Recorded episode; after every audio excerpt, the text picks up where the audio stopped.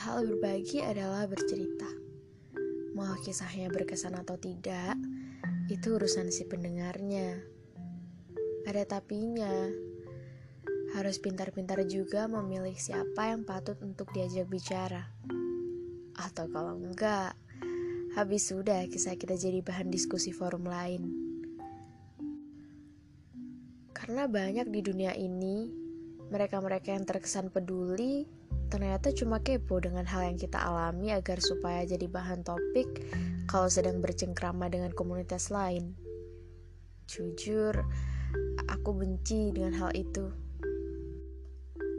Dan sebab aku pernah mengalaminya, itu jadi titik mulai di mana aku tidak pernah mempercayai siapa pun lagi untuk mendengarku bercerita. Dan karena itu juga, Yang bisa aku sampaikan saat hatiku bergemuruh dengan emosinya sendiri, aku cuma bilang, "Gak apa-apa, semua pasti baik-baik aja." Kalimat bodoh yang kusebut-sebut sebagai mantra untuk menenangkan diriku sendiri. Jujur, kadang aku bingung harus bercerita dengan siapa. Rasanya, kalau bercerita dengan orang lain takut jadi beban mereka. Atau emang aku aja yang takut kalau nggak didengar. Bikin podcast gini rasanya kayak aku cerita sama diri sendiri.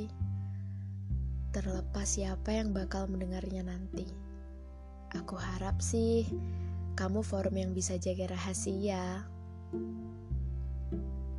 Gak tahu mau cerita ke siapa itu rasanya sesak gak sih? Kayak ada yang mendobrak hatimu ingin keluar, tapi kamu dengan kekehnya menahan walaupun itu sakit pastinya.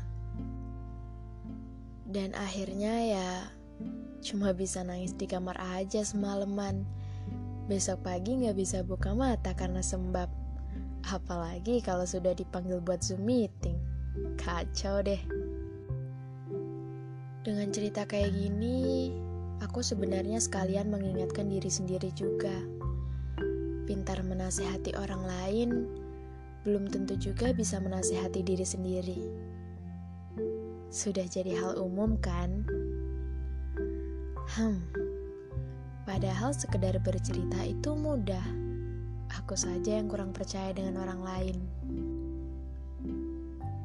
Seperti sekarang ini, aku sedang mengajak diriku sendiri berbicara tanpa tahu tujuan apa yang sebenarnya aku ingin dengan ini.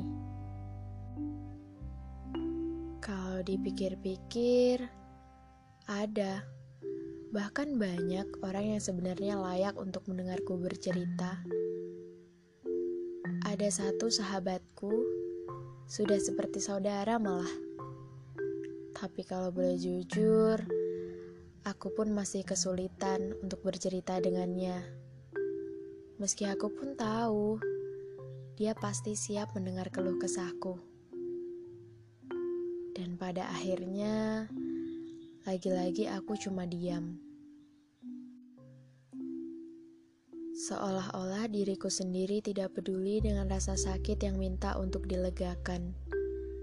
Gak tahu kenapa, tapi rasanya takut.